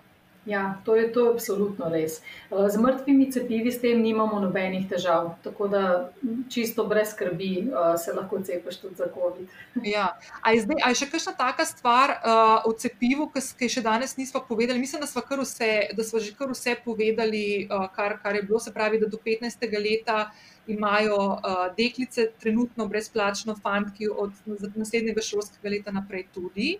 Uh, potem pa po 15. Oziroma, ali 16. letu, ali kako je? Po 15. Po 15. Ja. letu pa tri doze cepiva.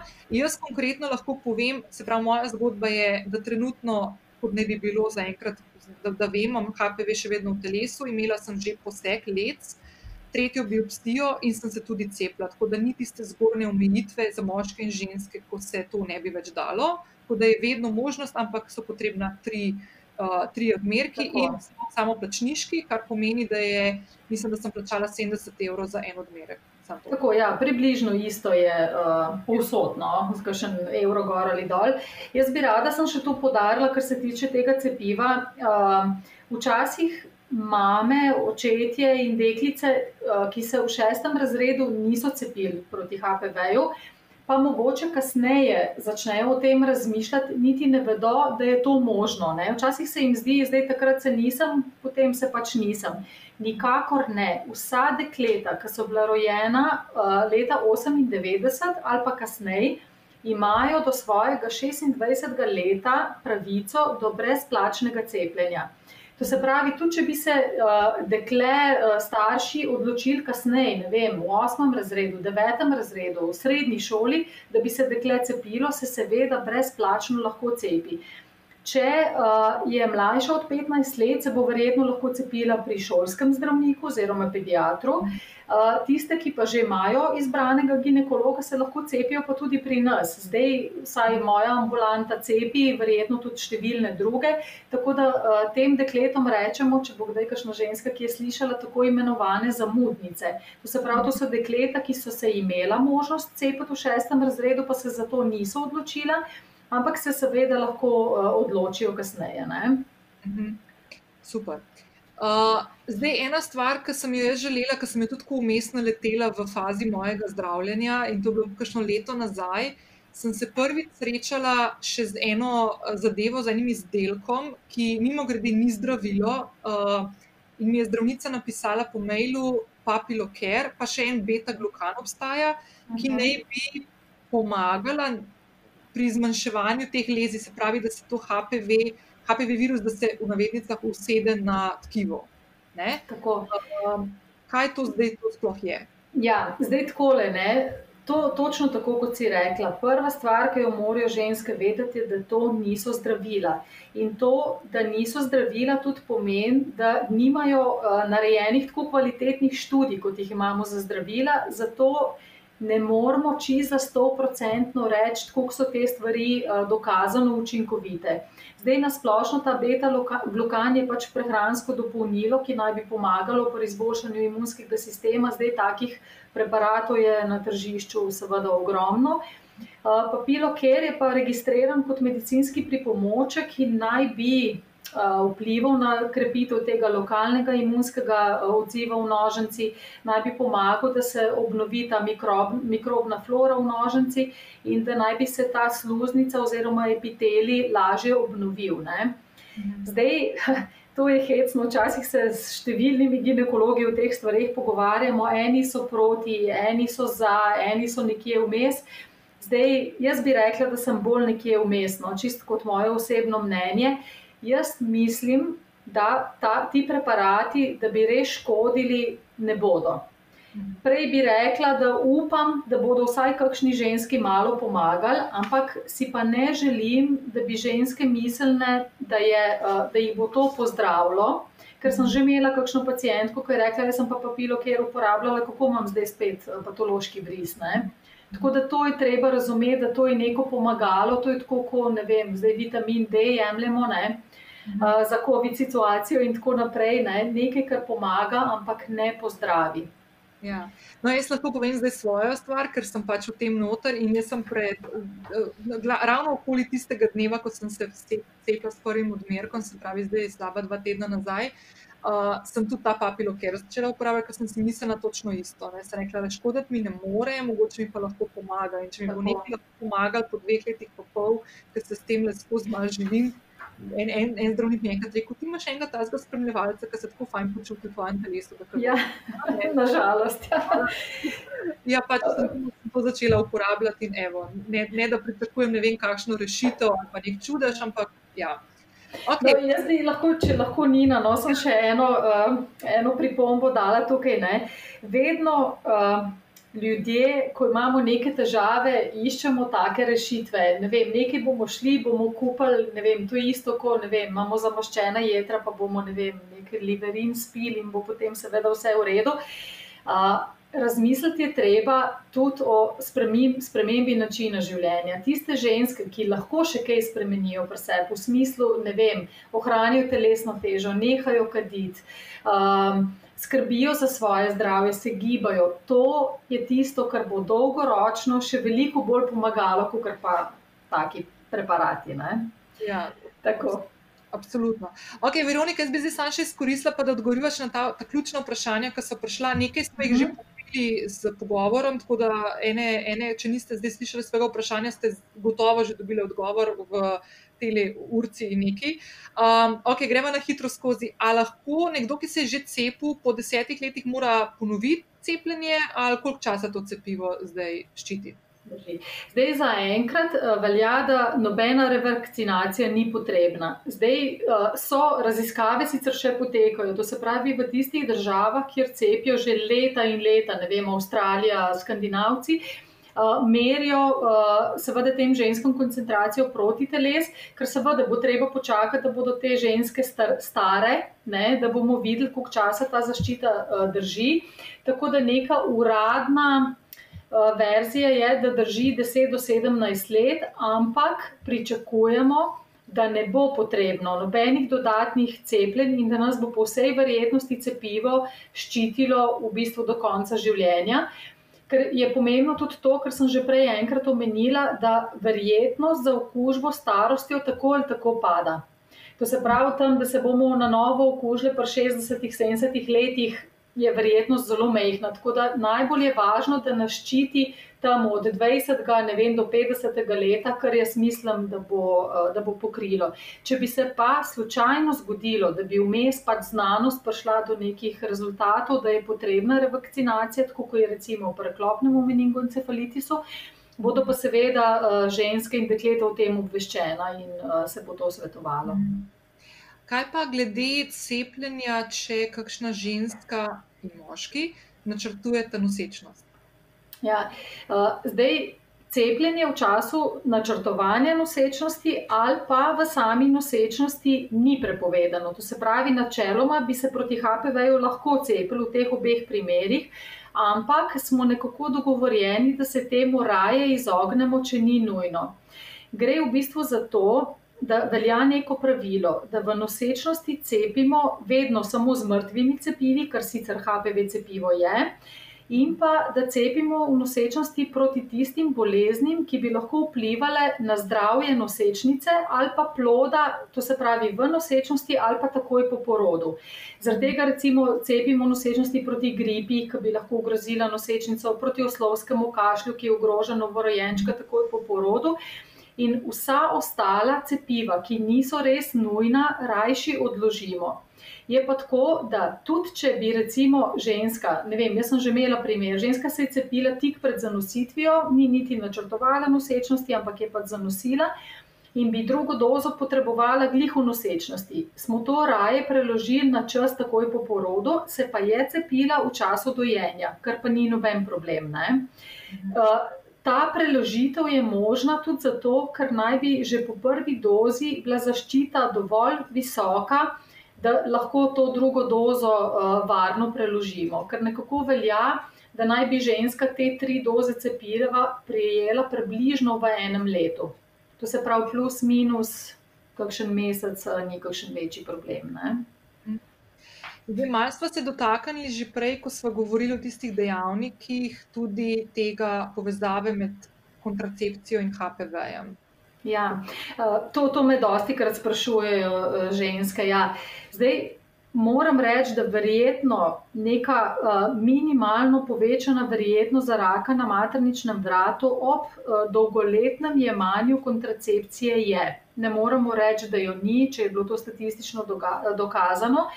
Vendar pa naj bi se ta verjetnost povečala šele po petih letih jemanja. Zdaj, um, jaz sem doskrat razmišljala o tem, ali je res problem samo uh, dejanska kontracepcija, ali so tukaj še neki drugi dejavniki, ki na to vplivajo.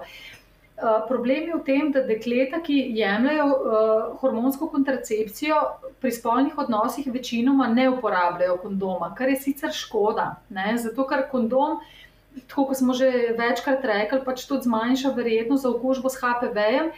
Uh, in če bi ga zraven uporabljale, mogoče ne bi kontracepcija toliko povečala verjetnosti. Ne? Potem je druga, uh, drugi problem, je to pri mladih puncah, ko opažam, jih vedno sprašujem, kadite, ne kadite.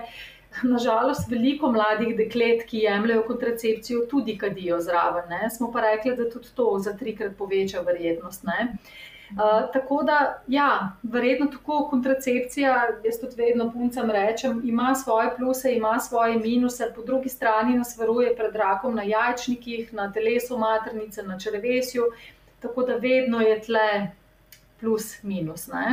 Mhm. Eno vprašanje je bilo, to ne razumem čist iskreno čist dober, ampak da če ima pacijentka večje miome v maternici, ali to vpliva na cepljenje? Ne, nikakor. Uh, nobena patologija, uh, niti na maternici, niti na jajčnikih, v smislu miomov, uh, pregrad, cist, endometrioze, to popolnoma nič ne vpliva na, na cepljenje in učinkovitost cepljenja. Pravi se gre lahko cepiti, če imajo. Absolutno, absolutno, to nima nobene povezave. Mislim, Veronika, jaz sem ful, ful presenečena, ker je bilo dejansko največ vprašanj povezanih s cepljenjem. Sam to, da povem na glas, da ne bo kdo mislil, da mi zdaj tukaj imamo neko ja. uh, ne vem, kašno uh, dialog. Samo, ampak res je bilo največ tega in meni se zdi to ful pomembno, ker tudi jaz za cepljenje, da obstaja za ženske, kot sem jaz, nisem vedela do dveh let nazaj, kot sem že imela okužbo za sabo in posekne. Tako da ja, ja. je pomembno, da se o teh stvarih pogovarjamo, da je to tudi na voljo za odrasle ženske, in med drugim eno vprašanje naslednjo je, tudi če imam že HPV v telesu, kar so danes že odgovorili, kot je moj primer, ja, tudi takrat se lahko. Tako, tako. Res ni, neke zgornje uh, meje starostne ni. Jaz vam še enkrat priporočam, pogovorite se s svojim ginekologom. Zato, ker ginekolog vas res pozna in on je tisti, ki vam bo mogoče svetoval. Jaz včasih, kašni ženski, že samo od sebe rečem: Lejte, zdaj ste imeli spet težave s temi brisi, dejte razmisliti o cepljenju. Kljub temu, da je ženska stara, ne vem, 30, 35, lahko tudi več. Uh, tako da pomembno je, da se, ker se tukaj se dejansko individualno uh, dogovarjamo z ženskami. Ne? Zdaj, verjetno, da bi se cepila ena 50-letna ženska, ki je poročena, ne vem, že 20 let, uh, pa ima enega pa partnerja, mogoče ni tako zelo smiselno, ker verjetno tudi učinkovitost cepiva ne bo tako uh, velika. Ne? Ampak v nekaterih primerjih pa se to absolutno uh, priporoča. Mislim, jaz, bom, jaz bom tukaj samo še eno stvar dodala, ker se mi zdi tako z mojega vidika, pa moje poti, pa Veronika, lahko kaj dodaš, ali pa tudi ni treba, no?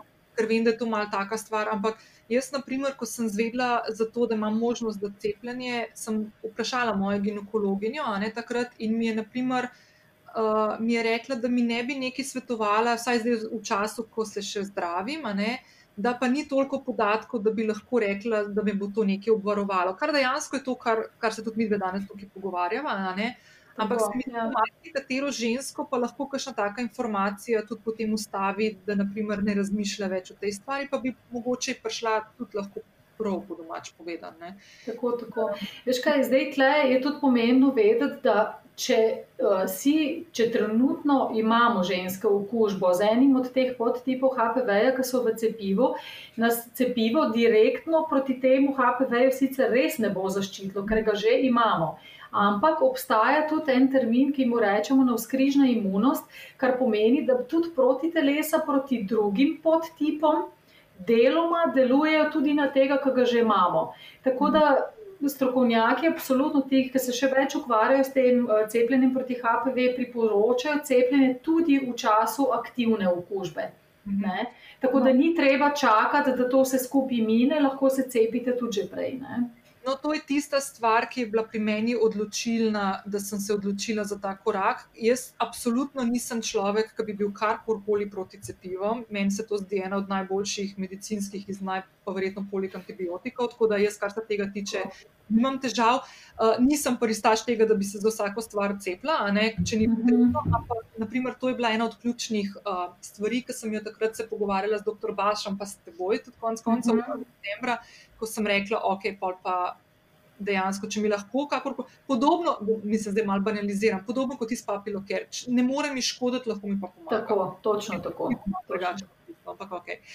Um, ok, uh, deva še tole genitalne bradavice. Uh, ful zanimivo vprašanje, ampak to, to, to, res, ta, to vprašanje mi je ful fajn, ker kaže na to, kako uh, znamo take stvari tako včasih malo skupaj dajati, uh, lajki, pacijentke. In kako uh -huh. je včasih tudi kakšno vprašanje, ki se nam mogoče zdi tako malo čudno vsem postavimo. Ali so lahko genitalne bradavice nevarne in ali obstaja kakšna, ali eno drugo vprašanje povezano s tem, sorry, ali obstaja kakšna alternativa, da se jih znebimo? Ja, zdaj, tako same po sebi genitalne bradavice zdaj niso neka življenjsko ogrožujoče stanje, so pa seveda zelo, zelo neugodne, tako psihično kot fizično. Zdaj, jaz, ko gledam te mlade punce, ne vem, s 50 genitalnimi bradavicami na zunanjem spolovilu, seveda so popolnoma nesrečne, predvsem zato, ker, uh, ker je to prvič fizično grdo videti, drugič. zaradi tega, ker vejo, da so nalezljive, da to lahko prenesejo na svojega partnerja. In uh, vam povem, da te genitalne bradavice niso tako zelo um, nedolžne, niso samo posamezne, dve, tri. Imela sem pacijentke, ne vem, ki so imele po 100, 200 teh bradavic po celem zunanjem spolovilu. Obstaja celo um, en tumor, ki mu rečemo buške Lovenstein tumor, uh, ki lahko. To so v bistvu en tumor iz bradavic, ki pokrije celo zunanje spolovilo, ali pa recimo pri moških analni predel. Tako da ni to tako. Um, tako zelo nedolžna stvar, ne? ni pa res ne življenje ogrožujoča. Zdaj, večino uh, teh kondilomov zdravimo, ker so samo posamezni. Jaz ponovadi pred, predpišem uh, terapijo s kremo, ki vsebuje imikvimot, to je pač ena uh, učinkovina. Ampak to učinkuje samo takrat, kadar so posamezne. Največkrat pa, kadar jih je malo več, jih pošiljamo na odstranjevanje z laserjem. Uh, Uh, kar pa je seveda spet potrebna lokalna anestezija, pač je malo neprijetno in nažalost ni ta terapija dokončna. Uh, dosti krat se bradavice seveda tudi ponavljajo, zato ker so lahko tudi v okolici teh bradavic uh, že HPV virusi, pa mi tega ne vidimo. Ne? Zdaj, ko si rekla te alternativne poskuse. Jaz niti ne vem čisto točno, kaj vse ženske počnejo, s, čim, s kakšnimi čajčki in ne vem, kakšnimi obkladki se zdravijo. Uh, sem imela pa res eno tako anegdoto, uh, ko sem imela neki pacijentki iz uh, držav bivše Jugoslavije in se spomnim, uh, ko so mi razlagali, da predvsem kašni starejši ginekologi, takrat verjetno še niso imeli ne laserjev, ne teh razno raznih krem, so jim svetovali, da uh, so si brad, uh, bradavice pokrivali z obkladki, ki so bili namočeni v kis. Mene je najprej kar mal kap zadela, sem rekla, kaj, kako pa je zdaj to izgledalo, ampak so mi zagotavljali, da to stvar je učinkovala. Zdaj seveda ne morete zdaj kisovih obkladkov dajati na sluznico, ne, ker bo to zelo, zelo neprijetno. Ampak tu je recimo ena od takih stvari. Zdaj te alternative, seveda, lahko se poskusi, ampak da bo pa ne vem, kakšno učinkovitost pa zelo dvomim, ker še s temi stvarmi, že z laserjem, se jih težko rešimo, kaj še le s kakšno bolj tako uh, rožico. No, ampak to, to vprašanje, ki je tudi povezano z genitalnimi brodovicami, ki sem rekla, da mi je bilo tako, da mi je res padlo v oči, je, če ima uh, ženska na rokah brodovice, pa si ja. menja tampon, menstrualno spodelico, kakorkoli, in pride stik s sluznico nožnice, ne? a ja. se lahko zgodijo in se naredijo genitalne bradavice. Ne, veste kaj, zdaj to je, to je takole. Uh, bradavice na roki sicer tudi povzročajo HPV virusi, ampak drugi HPV virusi. Tako da bi si ženska res iz teh bradavic prenesla to na spolovilo, to, to ne gre. Je pa res, da se mi, recimo, pri spolnih odnosih, ko se z rokami dotikamo spolovila svojega partnerja, si pa to lahko zanesemo, ampak to so drugi podtipi HPV-ja, zato ker se pač stikom prenaša. Tako da bolj je to problem, kot pa da bi se dejansko uh, ta HPV, ki je v bradavicah na roki, prenesel na zunanje spolovilo. Mhm. Zdaj sem se hotela, malo, hotela sem biti malo pametna, pa sem rekla, da moramo na koncu reči, da, da še vsem lahko uživamo v spolnosti. Tako, tako varni spolnosti, Nina. Ja. Tako malo, tako, ojoj, no. Ja. Če zadnje vprašanje, ali glivična vnetja lahko prispevajo k pojavu HPV? Zdaj, jaz bi rekla tako, da načeloma seveda ja ravno to, kar smo se prej pogovarjali. Vsaka stvar, ki zmanjša obrambno sposobnost nožnice, lahko pripomore k lažji okužbi s HPV-jem. In seveda vsako vnetje, stalna neka ponavljajoča vnetja, zmanjšajo obrambno sposobnost. Tako da je treba se tudi pri teh unetih potruditi, jih poskušati pozdraviti, vedno pa ne samo zdravili, razmišljati, kaj to povzroča. To je vedno problem pri dekletih, sej ni problem dati uh, neke terapije, ampak to bo delovalo nekaj časa, če pa mi ne odstranimo vzroka, se bo pa to vse čas uh, ponavljalo. Tako da zdaj smo spet pri tistih milih, britju, depilaciji. Uh, tako da mogoče malo manj agresivna higiena bi za to veliko naredila. No? Zdaj to tako lepo diplomatsko zdaj povedala. Ja, ja tako. Um, ok, Veronika, prišli smo tako do konca. Jaz sploh ti ne morem povedati, kako sem ti hvaležna, da si si vzela uh, uro in pol iz svojega dragocenega časa in uh, odgovorila na vsa ta vprašanja. In, uh, ne vem, jaz vem, da imaš zdaj, po mojem, še tako dodatno noro obdobje, že kar eno leto. Ne, to je res, ja. Da, veš kaj, jaz bom tako ful bom izkoristila zdaj le to zadnjo, zadnjih par minut, da se ti jaz tako osebno v mojem imenu, pa po mojem tudi v imenu vseh poslušalk in upam poslušalcev. Tako da, drage dame, prosim, če tudi vašim eh, partnerjem, pa bratom, očetom, vem, sinovom date za poslušati, ker je prav, da tudi oni slišijo to problematiko, ker se jih do, do, dotika tudi njih da se ti fulj zahvalim za najprej za tvoj čas, za vse te tvoje strokovne odgovore, za prijaznost, za empatičnost in predvsem tudi za to, da kot del zdravstvenega osebja skrbiš za vse nas, sploh v tem času, zdaj zadnjega leta in tudi sicer. No, tako da fulj hvala. Ja, hvala tudi tebi, ne morem reči, se ti veš, samo včasih je težko, uh, ipak smo mi zdravniki, nismo navajeni nekega javnega nastopanja, ampak s tabo mi je res vedno prijetno se sprostim in mi sploh ni težko, bi lahko še dve ure. no, bomo pa brez mikrofonov, osebno, ki se bomo lahko videvali in bo še nekaj pijačo. Zmenjeno, zmenjeno. Veronika, hvala, pa lepo bodi se vidva, hvala upam. Hvala, Nina, adijo, živijo. Hvala še enkrat vsem, ki ste ostali do konca. Jaz vem, da je ta tematika mal taka izven tematik, ki, jo, ki jih običajno objavljam, ampak se mi zdi ravno zaradi tega, ker se sama zadnja tri leta sprehajam po tej poti, um, vem, kako pomembno je, da dobimo, ko se enkrat srečamo s to problematiko, prave informacije iz strokovnih uh, rok in ust. Uh, Uh, jaz sem neizmerno hvaležna najprej gibanju Good Vibe, uh, ki mi je povabilo, da sodelujem v vlogi ambasadorke in z največjim veseljem prispevam delček uh, v mozaik tega, da se osvešča in ozavešča uh, ženske in moške o problematiki HPV okužb, uh, in da sem lahko prek uh, inicijative Good Vibe spoznala tudi Veroniko sem ji neizmerno hvaležna, da si je vzela čas v svojem prenatrpanem urniku, ki je običajno prenatrpan v teh časih, uh, ko se zdravstveno osebje bori še s pandemijo, pa še toliko bolj.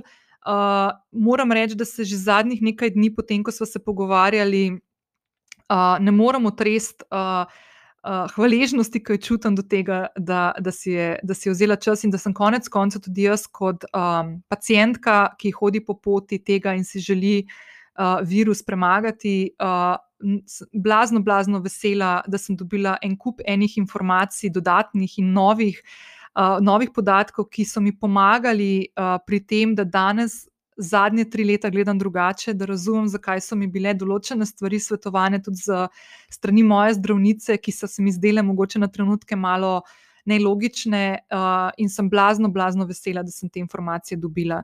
Ko sem pred tremi, skoraj tremi leti se prvič srečala s HPV-jem, praktično o tem nisem vedela nič. Uh, nisem si želela skakati po stricu Google in padati na neke forume, kjer se pregovarjajo in pogovarjajo ljudje, ki eh, niso strokovnjaki. Uh, te rabbit hole uh, obstajajo na vseh področjih, tudi na tej problematiki HPV-ja. Um, in moram reči, da ena stvar, ki mi je blazno pomagala uh, se soočati uh, s to potjo, uh, in z vsemi izzivi, ki sem jih že dala čez in ki me mogoče še čakajo v prihodnje, čeprav upam, da ne. Um, Je to, da sem o tem spregovorila s svojimi prijateljicami in družinskimi članicami, in takrat ugotovila, koliko žensk, predvsem žensk, tudi moških, uh, sem spoznala vmes, uh, so se javili, uh, koliko ljudi okoli mene je, ki so se s tem že srečali, in kako pomembno je, da se o teh stvarih odkrito pogovarjamo, da, da s tem destigmatiziramo to problematiko. Um, tako kot je Veronika povedala v pogovoru, je predvsem za kakšne mlajše ženske in moške lahko ta, ta problematika zelo boleča v mladih letih, uh, ker prite, potegne za seboj en kup enega samoobsojanja, tudi obsojanja kakšnih drugih uh, ljudi okrog nas. Uh, Uh, dejansko smo skozi današnji pogovor se lahko naučili, da ne glede na to, kako odgovorni smo v spolnosti in v obnašanju v spolnosti, uh, to okužbo lahko ujamemo, tudi če smo zaščiteni, in se mi zdi to ful pomembno, da se o teh stvarih res govori na glas. Um, še enkrat hvala, da ste ostali z mano do konca, da ste poslušali uh, ta pogovor z Veroniko, v katerem je res postregla s celotnim spektrom informacij, ki nam lahko pridejo prav pri razumevanju problematike, pri zaščiti, pri načinih zdravljenja uh, in pri dejansko raz, celostnem razumevanju tega, kaj se dejansko dogaja okoli okužbe HPV in zakaj je to tako pomembno, da se pogovarjamo. Uh, hvala še enkrat. Uh, ta tema je, jaz bi si želela nikoli več o tem govoriti, zato ker si želim, da tega problema z leti ne bo več. Um, ampak sem blazno počaščena in hvaležna, da lahko z, mojim, uh, z mojimi izkušnjami, z mojo potjo, konec koncev s podkastom, uh, ki je postavljen za odpiranje takih tem, uh, povabim tudi uh, goste, kot je dr. Veronika Testen, da povejo strokovno. Uh, na poljuden, ampak strokoven način uh, uh, vse stvari, ki so pomembne, da jih uh, ženske in moški vemo konkretno o problematiki HPV-ja in, uh, in bolezni, ki se lahko razvijajo iz tega. Uh, hvala še enkrat, uh, želim ti lep vikend in se slišimo naslednji teden. Čau, čau!